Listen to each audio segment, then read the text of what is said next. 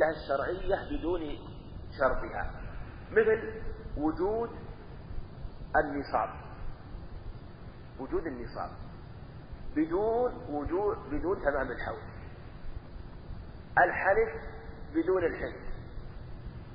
إذا حلف إنسان ولم يحلف وجد سببها وهو الحلف. إذا وجد النصاب ولم يتم إذا وجد النصاب ولم يتم الحول وجد السبب.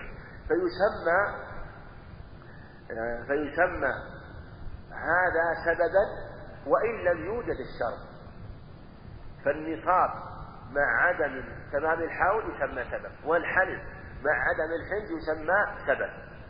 وكاملة إذا يطلق السبب على العلة الناقصة وهو وجود السبب بلا شرط ويطلق على العلة الكاملة بشرطها يسمى سبب. وهو وقتي كزوال لظهر الأسباب على نوعين وقتي وهو كالزوال. يعني جميع الأوقات هذه أسباب. وهي أسباب وقتية. ومعنوي ما يستلزم حكمة باعثة كإشكال لتحريم. فالسبب إما أن يكون معقول المعنى أو ليس معقول المعنى فمعقول فالذي ليس معقول مثل سبب الصلاة وهو دخول الوقت. هذا غير معقول المعنى. إنما العبد أن يلتزم بأمر الله وإذا دخل وقت الصلاة وجبت الصلاة. لكن نقول هذا وقت الظهر وهذا وقت العصر وهذا وقت المغرب وهذا وقت العشاء وهذا وقت الفجر هذه هو هذه أمور لا يعقل معناها.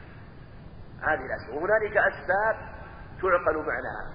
مثل تحريم الخمر للإسكار فهي حكمة معقولة. ولهذا اختلفوا السبب والعلة هل هي واحد أم هما اثنان. والذي عليه كثير من الأصوليين أن السبب أعم تدخل فيه العلة. فكل يعني كل سبب علة. لكن ليس كل علة سبب فهو أعم. وإذا كان السبب معقول المعنى إذا كان السبب إذا كان السبب معقول المعنى فإنه يكون علة. ويسمى سبب. وإن كان غير معقول المعنى فإنه سبب ولا يسمى علة. ولا يسمى علة. فكل علة سبب. كل علة تسمى علة وسبب. كل علة سبب. وهذا هو ذكروه وقالوا إنه إن كانت معقولة المعنى سميت علة وسببا. وإن كان غير معقول المعنى سمي سببا ولا يسمى علة. فمثل مثلا تحريم الخمر علة. لأن تحريم الخمر أمر معقول المعنى ويسمى سبب. ووقت مثلا الظهر وغير الأوقات يسمى سبب ولا يسمى علة والله أعلم. هذا على قول والشرط الواحد على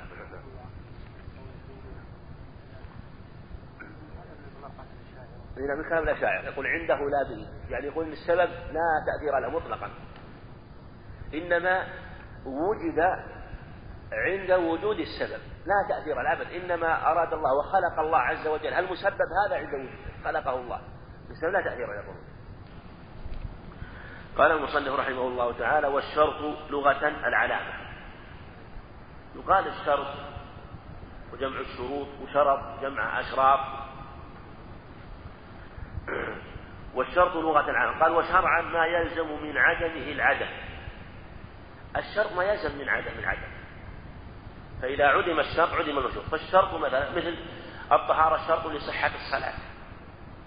شرط لصحة الصلاة. فيلزم من عدمها عدم وجود صحة الصلاة. ولا يلزم من وجوده وجود ولا عدم لذلك. لا يلزم من عدم الشرط وجود ولا وجود ولا عدم لذلك. فقوله ولا يلزم من وجوده وجود ولا يلزم من وجوده وجود ولا عدم مثلا الطهارة شرط لصحة الصلاة إذا وجدت الطهارة هل يلزم من وجود الطهارة وجود صحة الصلاة؟ لا يلزم. قد توجد الطهارة لكن لا توجد صحة الصلاة لفقد شرط آخر. فلا يلزم من وجود شرط وتحقق المشروط ربما لفوات شروط أخرى أو أمور مشترطة في هذا الشيء المشروط وقوله في الشرط في الشرط ما يلزم من عدم العدم احتراز من المانع لأن المانع لا يلزم من عدمه وجود ولا عدم. لا يلزم من عدم المانع وجود ولا عدم. مثلا عدم الدين على القول مثلا بإسقاطه إذا كان دين وعنده نصاب وقابل الدين نصاب مثلا فإنه لا زكاة عليه. عدم الدين لا يلزم من عدم الدين وجوب الزكاة ولا عدم وجوب الزكاة. فقد يكون غير مدين وتجب عليه الزكاة. لكونه مالكا للنصاب. يعني لا يلزم من عدمه وجود ولا عدم. فقد يكون معدوم المانع يعني احتراز منها قد يكون المانع معدوم لكن يوجد الغنى فتجب الزكاة. وقد يعدم المانع ولا تجب الزكاة. فقد يعدم يعني عدم المانع لا يلزم من وجوده ولا عدم المانع. احتراز منها فقد يعدم أيضا المانع لكن لا تجب الزكاة لكونه ماذا؟ فقير وقد يعدم وتجب الزكاة لكونه غني فهو احتراز من المانع وقوله ولا يلزم من وجوده وجود ولا عدم لذاته احتراز من السبب والمانع أيضا فقوله ولا يلزم من وجوده وجود احتراز من السبب لأن السبب يلزم من وجوده الوجود والمانع يلزم من وجوده ماذا؟ العدم. الاحتراز من فقوله ولا عدم قوله ولا وجود احتراز من السبب وقوله ولا عدم احتراز من المانع لأنه يلزم من وجود المانع العدم. فعدم الطهارة يلزم منها عدم وجود صحة الصلاة لأن الطهارة شرط لها. فإذا عدمت الطهارة لا تصح الصلاة. وقوله لذاته احتراز من مقارنة السبب للشرط. ومن مقارنة المانع للشرط فإذا قارن السبب الشرط إذا قارن السبب الشرط فإنه يلزم الوجود. لكن لا لذات الشرط لا لذاته بل لوجود السبب. فإذا مثلا وجد الحول وهو شرط الزكاة وقارنه السبب وهو النصاب. وجبت الزكاة لا لذات الشرط لكن لمقارنة السبب له وهو وجود النصاب. كذلك إذا قارن الشرط احتراز من ماذا؟ أيضا من المانع. إذا قارنه وجود المانع. إذا قارنه فإذا وجد الدين امتنعت يعني لا, لا, لا تجب الزكاة. لماذا؟ لوجود الدين. لا لذات الشرط لكن لوجود المانع وهو الدين. هذا معنى قوله ولا عدم لذاته لا لذات الشرط بل لذات مقارنة السبب أو لذات مقارنة وجود المانع. فهذا في السبب لزم منه الوجود لمقارنة السبب و آه، في حال وجود المانع لم لزم منه عدم وجوب الزكاة بمقارنة المانع للشرط. لا وليس الأمر يعود للشرط بل لمقارنة المانع له. فإن أخل عدمه يعني عدم الشرط بحكمة السبب فشرط السبب كقدرة على تسليم المبيع إذا أخل الشرط بحكمة السبب يسمى شرط السبب. مثلا كقدرة على تسليم المبيع. الحكمة من مشروعية البيع هو الانتفاع كل من البائع والمشتري. البائع ينتفع بالمال الذي وصل إليه والمشتري ينتفع بالسلعة التي اشتراها فهو انتقال فشرع البيع لكي يتوصل كل من البائع والمشتري إلى ما عند الآخر. فهذه حكمة بهذه الحكمة فإذا انتفت هذه الحكمة مثل أن باع إذا باعه شيئا لا يقدر على تسليمه. لا يقدر على تسليمه.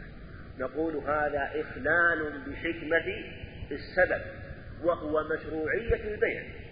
فإذا فقد شرط صحة البيع وهو القدرة على التسليم نقول إخلال بالحكمة حكمة سبب مشروعية المبيع. الحكمة منه هو أن يتوصل كل منهم إلى غرضه فإذا انتفت فإذا لم توجد القدرة انتفت حكمة السبب. فلماذا؟ لانتفاء الشرط. فالشرط فعدم الشرط يخل بحكمة السبب. مثال آخر أيضا. شرط الحول يعني الحول شرط لوجوب الزكاة. الإنسان إذا عنده نصاب لا تجب الزكاة عليه حتى يمضي حول.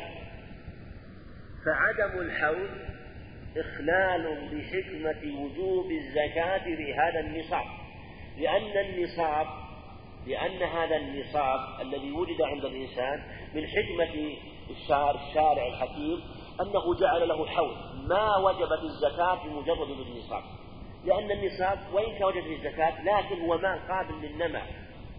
فجعلت فرصة لهذا لمن ملك نصاب فرصة حتى ينمي هذا المال فيبيع ويشتري وحتى لا يبقي هكذا فربما إذا أخرج الزكاة منه نزل عن النصاب وكان مالا قليلا فمن حكمة الشرع أن جعل لك فرصة ولم يوجب عليك الزكاة مباشرة منذ أن ملكت النصاب حتى تتصرف النصاب وينمو ويكثر المال ويكون في بيع وشراء فجعل لك فسحة لكي تتصرف المال ولم ينقصه بشيء آه، من الزكاة الواجب عليك حتى يمضي عليك حول كامل سنة كاملة. فلأن لأن هذا هو حكمة إيجاد الزكاة في المال بوجود سببها بوجود شرطها وهو كمال الحول. فلو وجبت الزكاة بمجرد ملكك للنصاب لحصل إخلال بحكمة السبب وهو وجود النصاب النامي الذي يحتاج إلى شيء من الوقت لكي ينمو في هذا المال وهو الحول. فكان من حكمة الشرع أن جعل له حولا وجعله شرطا لإيجاب الزكاة فيه. لكن هذا كما كما نعلم هذا الشرط ليس يعني شرط بالوجوب وإلا كما هو كما هو القول الأظهر أنه لا بأس من تقديمه من تقديمه أراد ذلك. لكن هو لا يجب عليه حتى يمضي عليه حول. وإن استلزم عدمه حكمة تقتضي نقيض الحكم فشرط الحكم.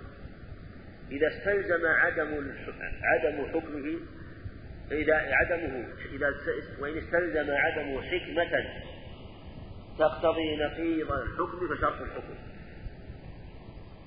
يسمى شرط الحكم إذا استلزم عدمه حكمة تقتضي نقيض الحكم. مثال ذكروا عليه مثال أن شرط القصاص من شروط القصاص انتفاء الأبوة فلو كان القاتل أبا لا يجب القصاص. لا يجب القصاص. وش الحكمة من القصاص لكي يرتدع الناس عن القتل. لكي يرتدع الناس القتل.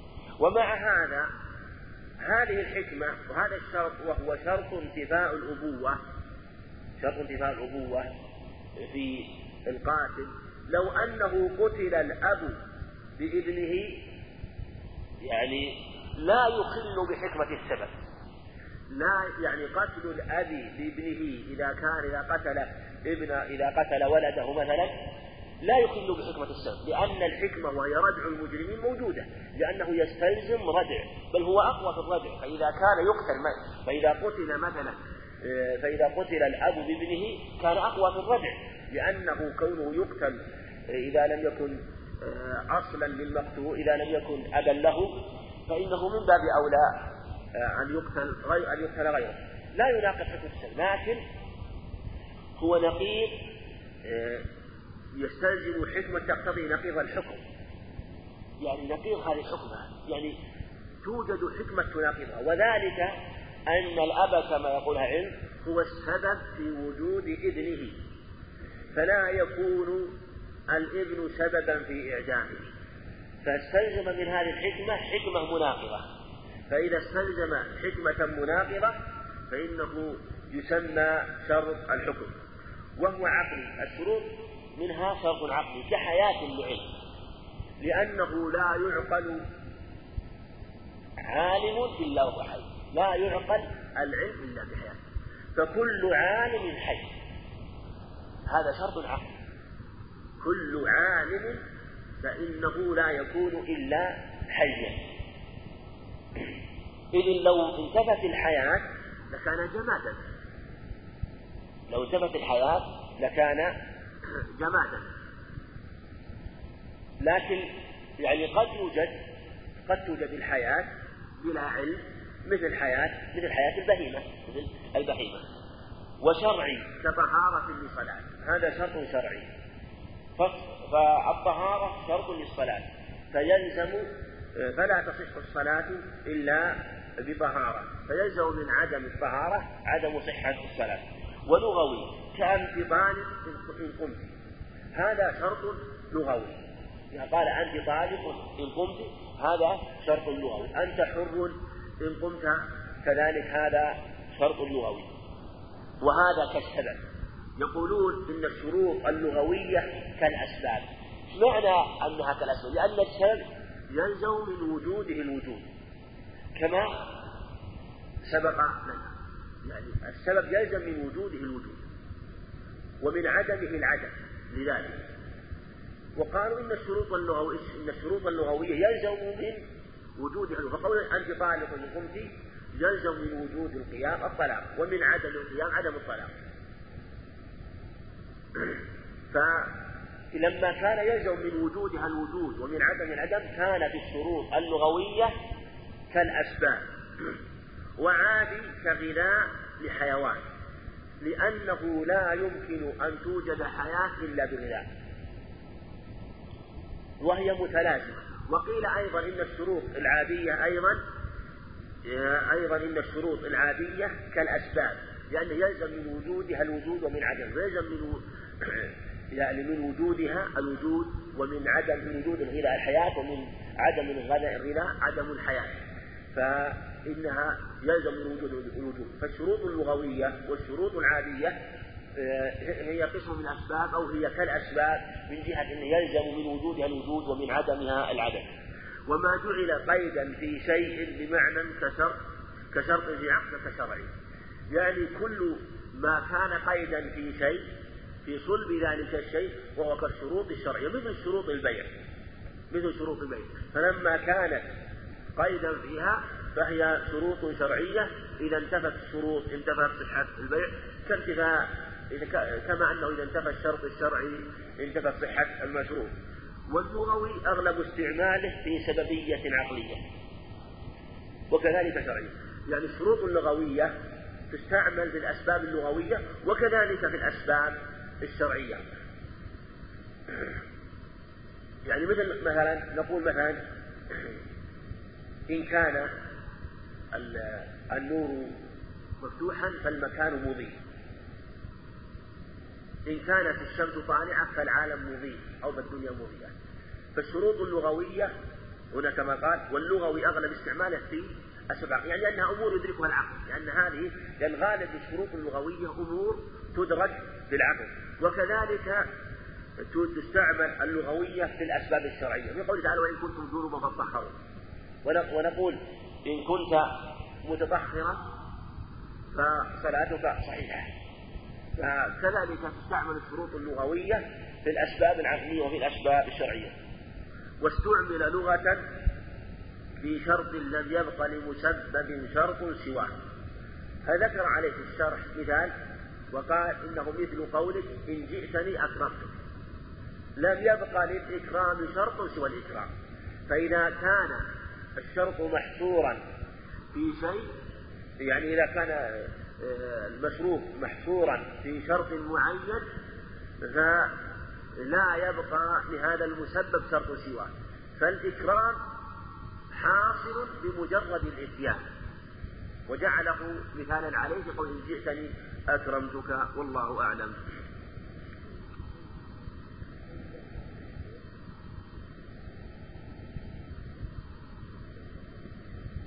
نعم. لم يستعمل لسبب سواه يعني كما ذكر هنا. واستعمل لغة في شرط لم يبقى لمسبب لشرط سواه يعني لم لم ليس له إلا هذا الشرط. ليس له إلا هذا الشرط. فإذا وجد الشرط وهو المثل المجيء حصل الإكرام قال المصنف رحمه الله تعالى والمانع ما يلزم من وجوده العدم. هذا تعريف المانع. إذا وجد المانع يلزم من وجوده العدم. مثل مانع الصلاة. الحيض أو الحدث. يمنع صحة الصلاة ولا يلزم من عدمه وجود ولا عدم. لا يلزم من عدم المانع وجود ولا عدم.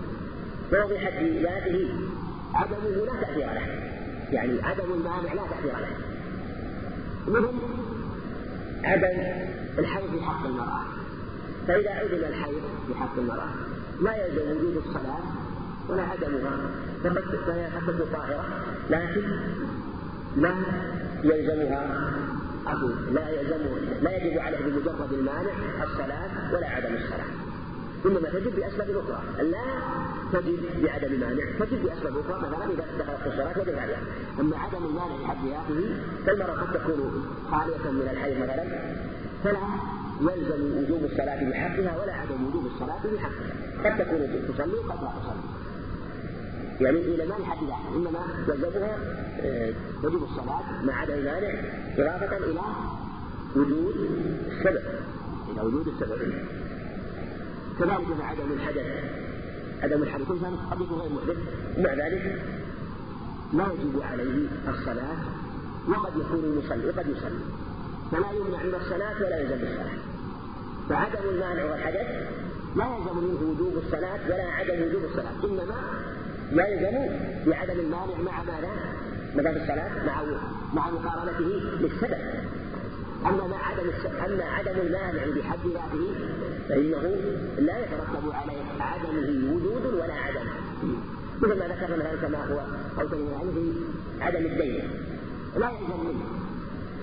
يعني وجوب الزكاة ولا عدم وجوب الزكاة. قد يكون ليس عليه دين فلا تجب عليه الزكاة لكونه فقيرا وقد تجب عليه الزكاة لكونه غنيا. غنيا مع عدم المعنى وهو إما لحكم. المانع إما أن يكون منعه بحكم. يمنع الحكم كأبوة في قصاص لأن من شرط وجوب القصاص انتفاء الأبوة. فوجود المانع يمنع حكم وجوب القصاص في الأبوة. أو لسببه أو يمنع السبب. سبب الحكم ما الحكم ذاته كدين مع ملك نصاب فالإنسان إذا ملك النصاب وعليه دين فإنه يمنع سببه لأن السبب في وجوب الزكاة هو كون النصاب كون النصاب يكون قادرا على تحمل النفقات وتحمل ما يعرض الإنسان. فإذا كان عليه دين مثلا كان عليه دين فإنه تنتفي الحكمة فيضعف النصاب ويتقاصر عن سداد هذه الأشياء فتنتهي الحكمة بتمام النعمة من جهة النصاب. من جهة النصاب لأنه لما قصر النصاب بجهة وجود الدين انتفت الحكمة فلهذا يمنع السبب. وهو الحكمة أو حكمة السبب مشروعية مشروعية مشروعية الزكاة. ونصف هذه يعني العلة والشرط والمانع والسبب. ونصب هذه مفيدة مقتضياتها حكم شرعي. فالشارع الحكيم أوجب حد الزنا وجعل الزنا سببا في ذلك. أوجب حد القذف وجعل القذف سببا في ذلك أوجب الصلاة وجعل سبب الدخول هو الموجب لذلك. سبب الدخول يكون بسبب وجود السبب تجد الصلاة. الانتجاب هذا الشيء أحكام شرعية. وتلك أسباب. هذه أسباب وهذه مقتضياتها وهو وجوب هذه الأشياء فالزنا سبب والحد حكم. والقذف سبب. والحكم وإيجاب الحد آه، حكم له حكم شرعي. فهذه أحكام شرعية ترتبت على الأسباب التي اشتركها بحكم الشرع. ومنه أي من الأحكام الوضعية فساد وصحة. هذا المصنف رحمه الله جعل الفساد والصحة وحدهما إشارة إلى الخلاف في هذا. فإنه قد أجمع العلماء علماء الأصول على أن المانع والسبب والشر هذه أحكام وضعية والعلة داخلة فيها. داخلة السبب ما سوى هذه الثلاثة؟ الفساد والصحة والرخصة والعزيمة. هذه موضع خلاف والمصنف رحمه الله ذكر هنا الفساد والصحة وجعلها من الأحكام الوضعية. ولأنها لا يترتب عليها اقتضاء وطلب بل هي هذه يحكم بأن هذا فاسد وهذا صحيح فلهذا جعل جعل الحكم بكون هذا فاسد العبادة فاسدة هذا حكم وضعي العبادة صحيحة حكم وضعي هذه المعاملة فاسدة حكم وضعي هذه المعاملة صحيحة حكم من الأحكام الوضعية. وهي في عبادة يعني الصحة. في عبادة سقوط القضاء وهي في عبادة الصحة.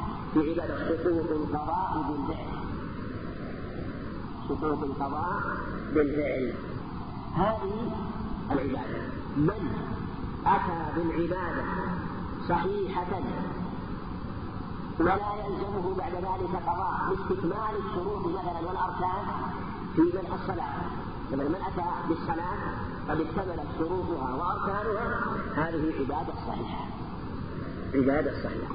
هنا أشار إلى خلاف المتكلمين لأن المتكلمين يقولون إن العبادة الصحيحة هي موافقة الأمر. هي موافقة الأمر. ليست هي العبادة التي لا تقرأ إنما هي موافقة الأمر. فالمتكلمون يقولون الذي صلى يظنه متطهرا وهو في نفس الأمر ماذا؟ محدث لكن ظن أنه متطهر. هو يعامل بظنه فيصلي ويظن أنه على طهارة يقولون إن هذه الصلاة صحيحة لماذا؟ لأنها موافقة للأمر ما هو الأمر؟ لأنه مأمور بالصلاة في هذه الحال وأنه يعمل بظنه فيصلي فالصلاة صحيحة ولو كانت في نفس الأمر ما هي؟ باطلة لأن لأنه في الحقيقة يحدث وقال كثير من العلم إن الخلاف لفظي لأن كلا الفريقين كلا الفريقين يقول إذا استبان الأمر في الصلاة مثلا فكانت مكتملة الشروط والأركان فلا إعادة عليه لأنه قد كان مكتملة الشروط وإن تبين له بعد ذلك تبين بعد ذلك أنه لم يكن متطهرا فإنه يجب عليه الإعادة عند الجميع عند الفقهاء وعند المتكلمين. وإن انبهم الأمر فإنه لا إعادة عليه لأنه مأمور بأن يعمل بظنه. فقالوا إن خلاف ظن اللفظ لكن المتكلمون يقولون إن الصحة هي موافقة الأمر والفقهاء يقولون هو الذي لا يلزم إعادته بعد ذلك بوجود اكتمال الشروط والأركان في الصلاة مثلا. وهي معاملة ما هي صحة المعاملة؟ ترتب أحكامها المقصودة بها. المعاملة هذا إذا ترتبت الأحكام المقصودة عنها مثلا في البيع. إذا ترتب الأثر المقصود عند البيع يملك المشتري السلعة والبائع الثمن فكل منهم يتصرف فيما آل إليه بجميع أنواع التصرفات من بيع واجتهاد من بيع أو هبة أو وقت أو صدقة وغير ذلك. ترتب الأثر المقصود عليه من جهة أنه ملك ما آل إليه فهذه هي المعاملة إذا ترتبت الأحكام المقصودة المطلوبة في الشارع من, من الشارع من جهة أن كل إنسان يتصرف في التصرفات الشرعية والعلم المقصودة بها عليها. يعني على هذه الأشياء. ويجمعها ويجمعهما يعني يجمع العبادة والمعاملة يعني هي يجعل للعبادة معنى أو تعريف وللمعاملة تعريف فالعبادة هي إذا أدت على المطلوب لا تعاد على العبادة. والمعاملة يترتب الأثر المقصود عليه.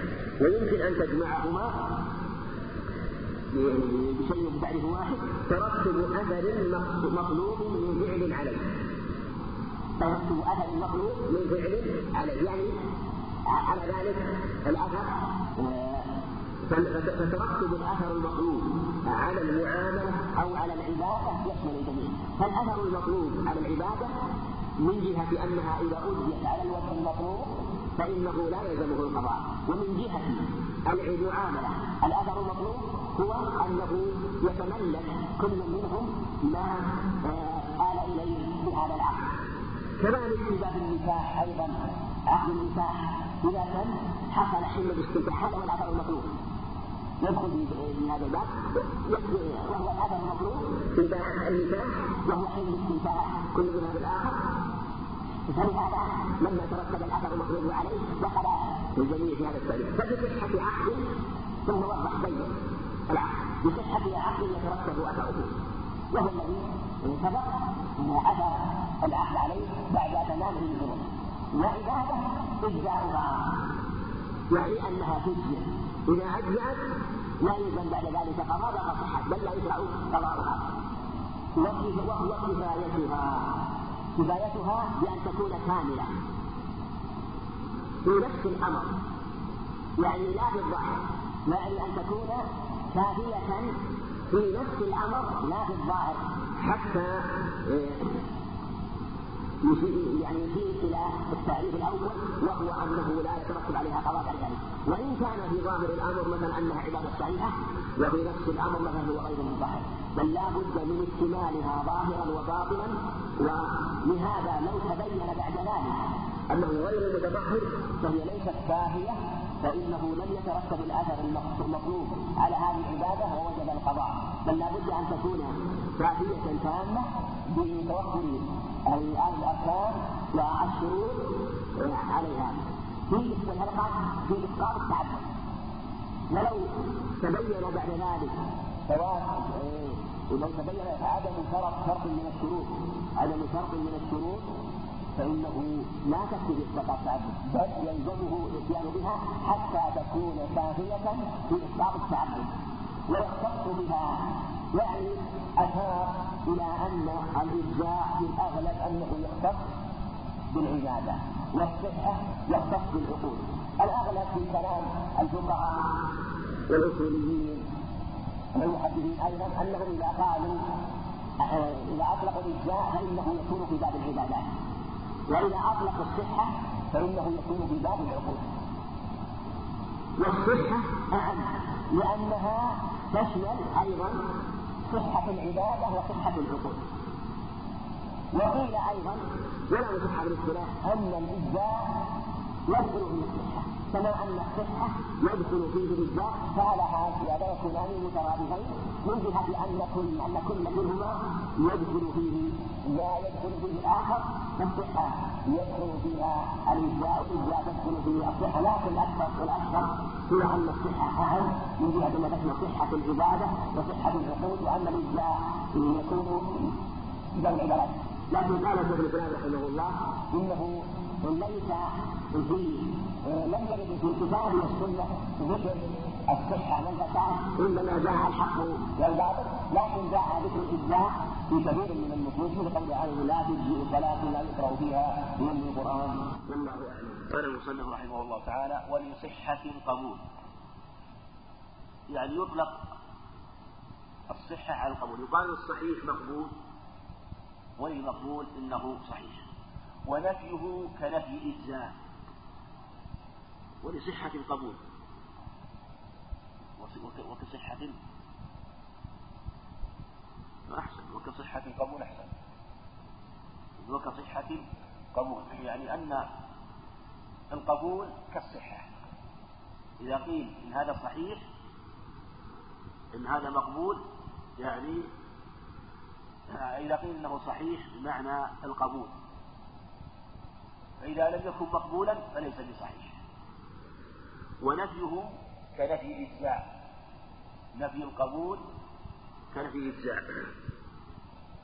يعني إذا قيل إنه غير مقبول فإنه بمعنى أنه لا يجزئ. قيل إنه غير مقبول إنه غير مجزئ. وهذه مسألة اختلف فيها أهل العلم. لأن نفي القبول جاء في مواضع بمعنى نفي الإجزاء والصحة. وجاء في مواضع بمعنى نفي الإجزاء مع ثبوت الصحة عند جماهير أهل العلم. من المواضع التي جاء بنفي الإجزاء والصحة قوله عليه لا يقبل صلاة أحدكم إذا حتى يتوضأ. هذا بإجماع العلم أنه لا يصح غير مجزئ لا يجزئ وغير صحيح. وقوله عليه الصلاة والسلام لا يقبل صلاة حائض إلا بخمار. كذلك أنها لا تصح لا تجزئ ولا تصح. وجاءت أحاديث تدل على ثبوت الصحة مع نفي الإجزاء عند جماهير العلم. لقوله عليه السلام لا يقبل الله من أتى عرافا أو كائن لم تقبل له صلاة أربعين ليلة. مثل أيما عبد أبق عن مواليه لم تقبل له صلاة. يعني جديد صحيح مسلم. ومن شرب الخمر لم تقبل له صلاة أربعين صباحا. عدة أخبار كثيرة جاءت في هذا المعنى وهي عند جماهير العلم مقبول صحيحة بمعنى أنها مجزئة. لكن غير مقبولة. بمعنى أنه آه، يعني لا ثواب فيها. وذهب بعض العلم إلى أن الصحة والقبول متلازمان كما هو كما أشار قال المصنف كصحة القبول.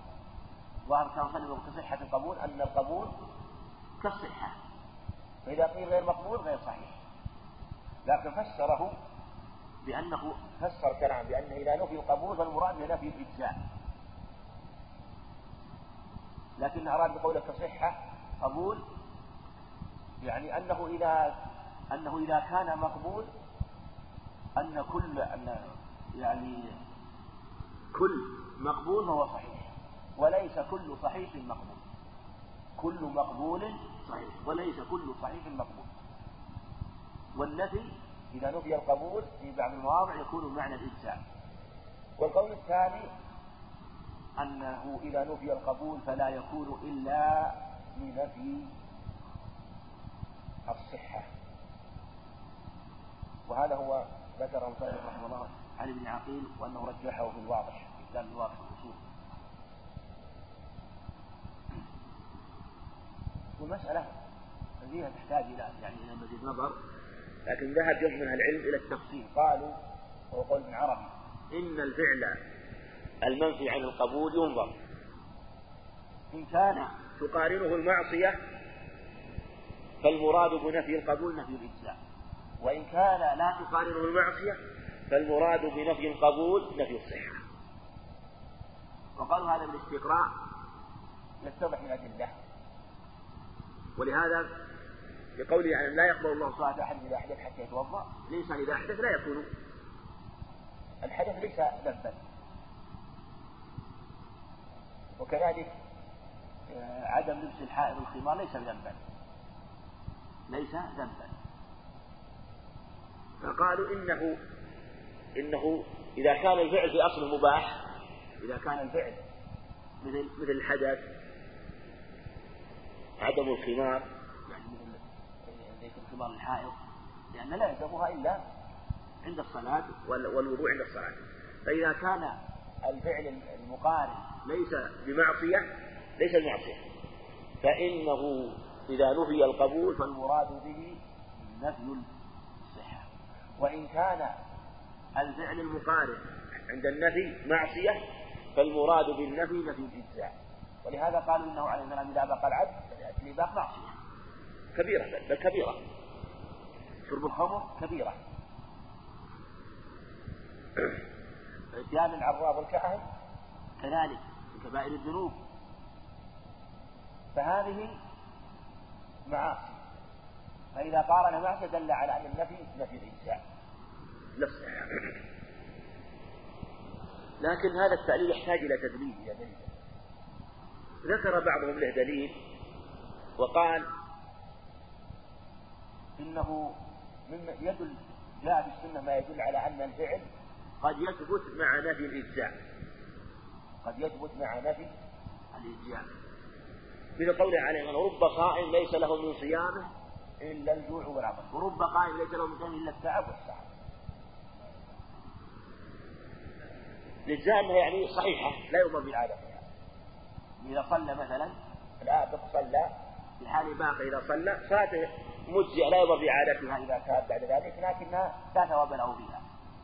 إذا شرب الخمر مثلا ثم صلى. في حال إذا إذا صح من الخمر وصلى ولكن مصر ما تاب. ما تاب مصر حاصلت هذه المدة أو كموجودة في جسده لكنه يعقل الصلاة. فصلاة صحيحة لكنه لا يثاب عليها. الذمة فقالوا إنها صحيحة لكن آه، لا يثاب عليها لا ثواب عليها. لا ثواب له فيها واستدلوا في استدل بعضهم بقول يعني رب صائم. جعله صائما قال رب صائم. قال ليس له مثل الجوع والعطش هذا الصائم الذي ليس له الجوع والعطش لا شك أنه قارن صيام معاصي. جعلت عمله غير مقبول. وأنه لا جزاء له. لأنه إذا كان ليس له صيام الا الجوع والعطش فحظه منها أنه تبرأ به الذمة لكنه لا ثواب له فيه. كذلك إذا كان قيامه ليس له من التعب والسحر فلا ثواب له فيه. ومع ذلك سماه قائم ولم يبطل قيامه ولم يبطل صيامه عليه الصلاة والسلام.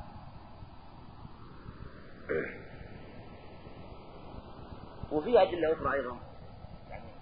البحث والنظر ممكن تولد المسألة. ف ثم لكن هذا أيضا يزاد أيضا يقال أيضا أن القبول أن المعصية المقارنة ربما كانت قوية أو كانت كبيرة المعصية أو عظيمة أو كثيرة فنفت الإجزاء نفت الثواب نفت الثواب. يعني أنها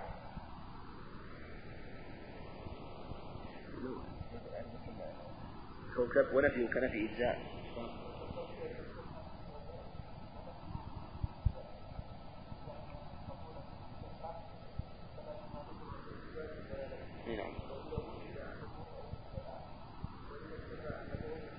نعم هذا هذا مثل ما سبق رجع كلام المصنف أنا لكن هنا واضح أيضا في أنه أنه يختار رحمه الله أن نفي القبول كنفي الإجزاء أنه متلازمان وأن وإذا وأنه إذا قيل لا غير مقبول أنه غير مجزئ أنه لا يجزئ بمعنى أنه لا يصح. أنه لا يجزئه ولا يصح معنى أنه لا تبرأ به الذمة المقصود إن هذا هو قول وهو قول ابن عقيل رحمه الله كما ذكر في الواضح. والقول الثاني مثل ما سبق أنه يب... انه لا غير متلازمين وأنه يوجد الإجزاء والصحة لكن غير مقبول. وربما قويت المعصية أو عظمت أو كانت كبيرة ثم قابلت الثواب واثرت وربما أيضا ارتفعت إلى أنها تعلق بذمته شيء إذا بقي عليه أيضا من أثر المعصية فربما قويت حتى تؤثر في الإجزاء تؤثر في الإجزاء.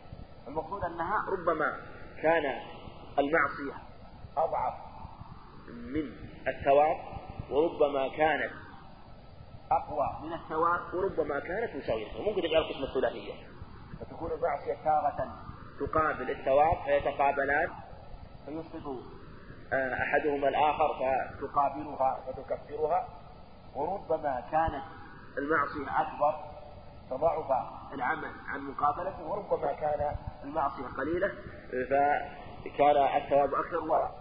ويكون له بعض الثواب في قوله عليه الصلاة والسلام إن الرجل لا ينصرف من صلاته ليس له إلا إلا نصفها إلا ثلثها إلا ربعها إلا خمسها إلا سدسها إلا سبعها إلا ثمنها إلا تسعها إلا عشرها. حتى ذكر عليه السلام يعني حتى ولهذا ذكر حتى ينصرف الرجل لا يدري كم صلى فلهذا تتقابل هذه مع هذه فربما أذهبه كله. والصحة الشرعية كما هنا. والصحة الشرعية. يعني الصحة شرعية يقال الصحة الشرعية مثل صحة الصلاة باستيفائها الشروط وعقلية كإمكان الشيء وجودا وعدما يعني إذا قيل إن الشيء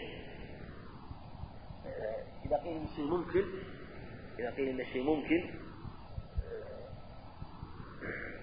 يعني ممكن يوجد. يعني مثل ما تقول معقول يعقل وجوده فهو ممكن. وعدما ويعقل عدما مثل المخلوقات ممكنة. معنى أنه كانت معدومة ثم وجدت كل شيء يعقل وجوده عدما فهو ممكن. فجميع المخلوقات من بني آدم ممكنة لأنها كانت غير موجودة. فأمكن وجودها فخلقت. ثم هي قابلة للعدم والفناء. المقصود أنه ما يمكن وجودها عدم يقال له ممكن. وعادية كمشي ونحوه. يعني قال الصحة العادية من جهة هذه الصحة. مثل المشي مثل الجلوس والاضطجاع والأكل والشرب. هذه أمور عادية. وبطلان وفساد مترادفان. هذا هو الصواب وقول جماهير العلم. وجعل الأحناف القسمة الثلاثية البطلان والفساد والصحة. وجعلوا الفساد بين البطلان والصحة ولهم في هذا كلام والصواب على قول الجماعة قول الجماعة وأنه ليس إلا باطل أو صحيح. وهم قالوا إن الشيء إذا كان آه، يعني لا يصح أصله فهو باطل. وإن كان يعني آه، منهي عن أصله فهو باطل. كان منهي عن وصفه فهو فاسد مثل مثلا بيع الخمر والخنزير هذا منهي عنه. منهي عنه. فإذا كان منهيا عنه إذا كان منهيا عنه فإنه يعني إذا كان منهيا فإنه باطل لأنه ما يصح ما هي في وجه من كل وجهة. وإن كان لا جائز من جهة. لكن دخله وصف. مثل البيع. بيع الدراهم بالدراهم يجوز. ليس يجوز. بيع الدراهم بالدراهم يجوز. بمعنى تبيع درهم بدرهم بريال بريال. ها وها. لكن لو بعت ريال بريالين شو يصير؟ ربا؟ ماذا؟ فضل قالوا إن هذا فاسد.